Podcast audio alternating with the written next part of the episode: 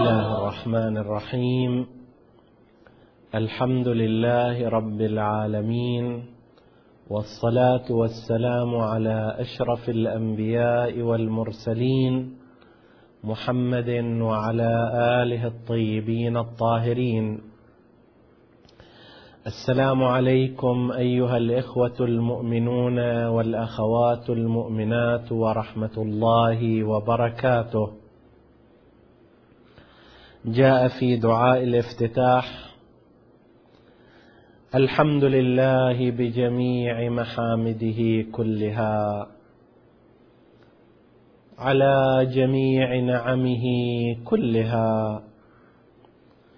الحمد لله الذي لا مضاد له في ملكه ولا منازع له في أمره. الحمد لله الذي لا شريك له في خلقه ولا شبيه له في عظمته الحمد لله الفاشي في الخلق امره وحمده الظاهر بالكرم مجده الباسط بالجود يده الذي لا تنقص خزائنه ولا تزيده كثرة العطاء إلا جودا وكرما إنه هو العزيز الوهاب.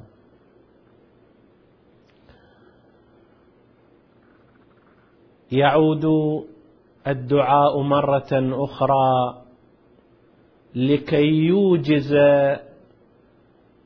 ما ذكره بشيء من التفصيل من نعم الله قبل قليل. كان الدعاء قد ذكر بعض النعم على هذا الإنسان فكم يا إلهي من كربة قد فرجتها وهموم قد كشفتها وعثرة قد أقلتها. ورحمة قد نشرتها وحلقة بلاء قد فككتها. تعداد نعم الله سبحانه وتعالى على الإنسان مصداق من مصاديق الحمد والشكر. أنت عندما تواجه ربك تقول يا رب لك الحمد كم أعطيتني من النعم؟ انظر أخي المؤمن أختي المؤمنة إلى ما حولكما من النعم وقل يا رب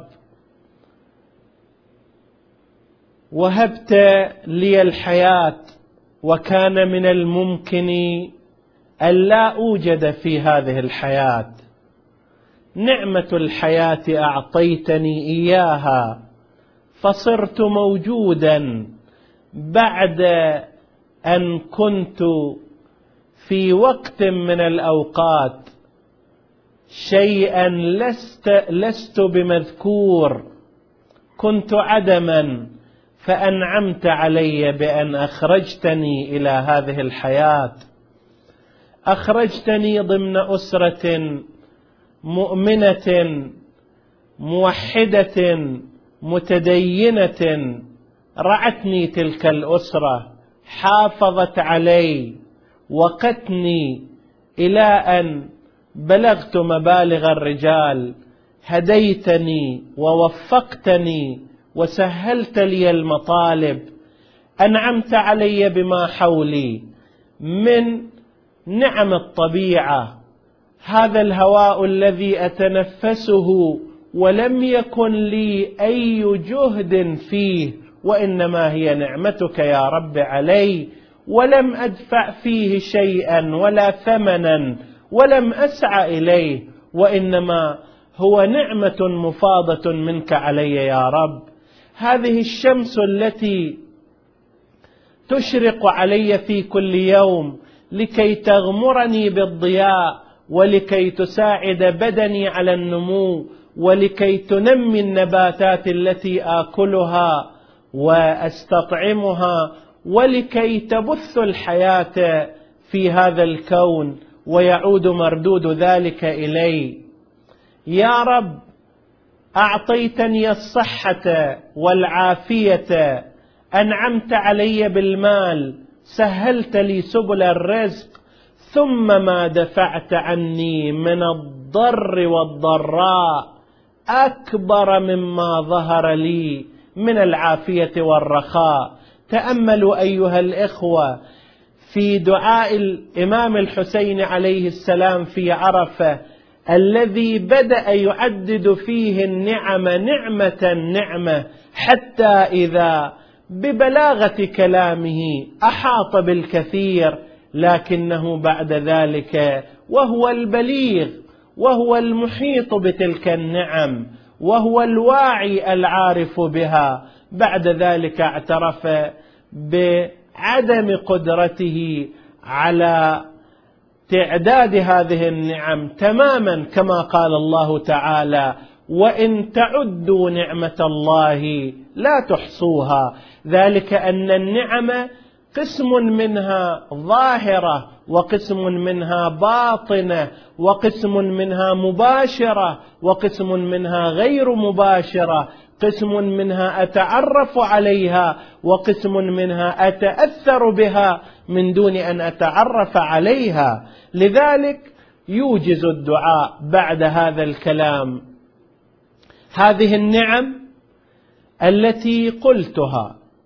وتلك النعم التي لم أقلها تلك النعم المباشرة والأخرى غير المباشرة تلك النعم الظاهرة والأخرى الباطنة. أنا لا أستطيع أن أعددها حتى أحمدك يا ربي وأشكرك يا ربي على كل نعمة من هذه النعم. لذلك أقول الحمد لله بجميع محامده كلها على جميع نعمه كلها. كل ما يتصور من أصناف المدح والحمد والثناء سواء منه اللفظي أو القولي اللفظي أو العملي أو حتى القلبي فإن حركة القلب أيضا من دون أن يتحرك اللسان عندما يستحضر الإنسان عندما يستحضر العبد مدى نعمة الله فيبخع في نفسه ويقر في داخل قلبه بأن الله واسع النعمة عظيم النعمة متطول على العباد. عندما يتحرك قلبه بذلك هذا حمد قلبي. وشكر قلبي وثناء قلبي إضافة إلى الحمد والثناء اللفظي كما هو الحال في هذا الدعاء. وهناك أيضا شكر عملي وحمد عملي عندما يلتزم الإنسان بما أوجبه الله عليه وبما ألزمه من الفرائض. الحمد لله بجميع محامده كلها. على جميع نعمه كلها. الحمد لله الذي لا مضاد له في ملكه ولا منازع له في أمره ولا شريك له في خلقه ولا شبيه له في عظمته. كانت الفقرة السابقة. الحمد لله الذي لم يتخذ صاحبة ولا ولدا تتكلم عن استغناء الله تعالى حتى عن المنسجمين معه كما هو حال الإنسان. الصاحبة تنسجم معه فتقضي حاجاته. الولد ينسجم معه فيقضي حاجاته. الولي المتولي لأمره ينسجم معه فيرعاه ويحفظه. هناك قسم آخر وهو المنازع والمضاد. هذا قد يعارض الإنسان مثلا في أموره يعيق حركته. الدعاء يقول الله سبحانه وتعالى منزه عن الشريك وعن الولد وعن الصاحبه الذين يفترض أن يكون دورهم ايجابيا بالنسبة إلى المحتاج. ومنزه أيضا عن وجود المضاد والمعاند والمنافس. الله له الملك وحده وحده وحده. لا شريك له حتى يحتاج إلى معونته. ولا منازع له حتى يغير ما يريده الله سبحانه وتعالى أو يضاده فيما صنع. لا شريك فيرفده فيما ابتدع كما في الرواية ولا مضاد فيضاده فيما صنع. وإنما الله سبحانه وتعالى يتصرف في هذا الكون بإرادته من غير حاجة إلى أحد ومن غير منازعة من أحد. في بعض الروايات التي تفسر الآية المباركة في نفخة الصور ورد في الحديث أن الله سبحانه وتعالى عندما ينفخ نفخة الإماتة ونفخ في الصور فصعق من في السماوات والأرض إلا من شاء ربك.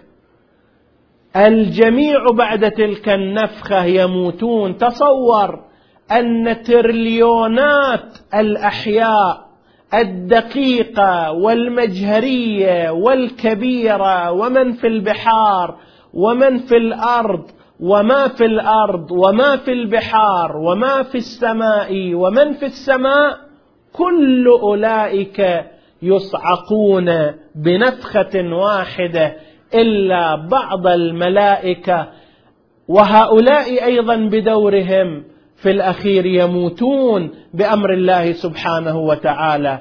آنئذ ينادي الله سبحانه وتعالى كما في الرواية وقد فني الجميع حيث لا حياة ولا أحياء ولا وجود ولا موجودات لمن الملك اليوم؟ لا أحد يجيب فيجيب الله نفسه ويقول لله الواحد القهار لا يوجد أحد حتى يجيب لا يوجد مخلوق لا يوجد من عدا الله لا شريك ولا مضاد ولا منازع ولا ملك مقرب. ولا نبي مرسل الحمد لله الذي لا مضاد له في ملكه ولا منازع له في أمره له الخلق والأمر. الحمد لله الذي لا شريك له في خلقه. لماذا يحتاج أحد إلى الشريك؟ إنما وجود الشريك يدل على أن هذا الواحد لا يستطيع القيام بكل أموره بمفرده فيحتاج إلى الشريك. وتعالى الله سبحانه وتعالى هو المتصرف وهو القادر. الحمد لله الذي لا شريك له في خلقه ولا شبيه له في عظمته. الحمد لله الفاشي في الخلق أمره وحمده.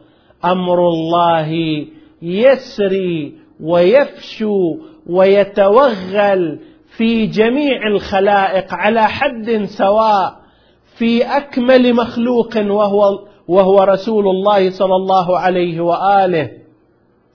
خلقا وخلقا يفشو فيه ويتوغل فيه أمر الله سبحانه وتعالى.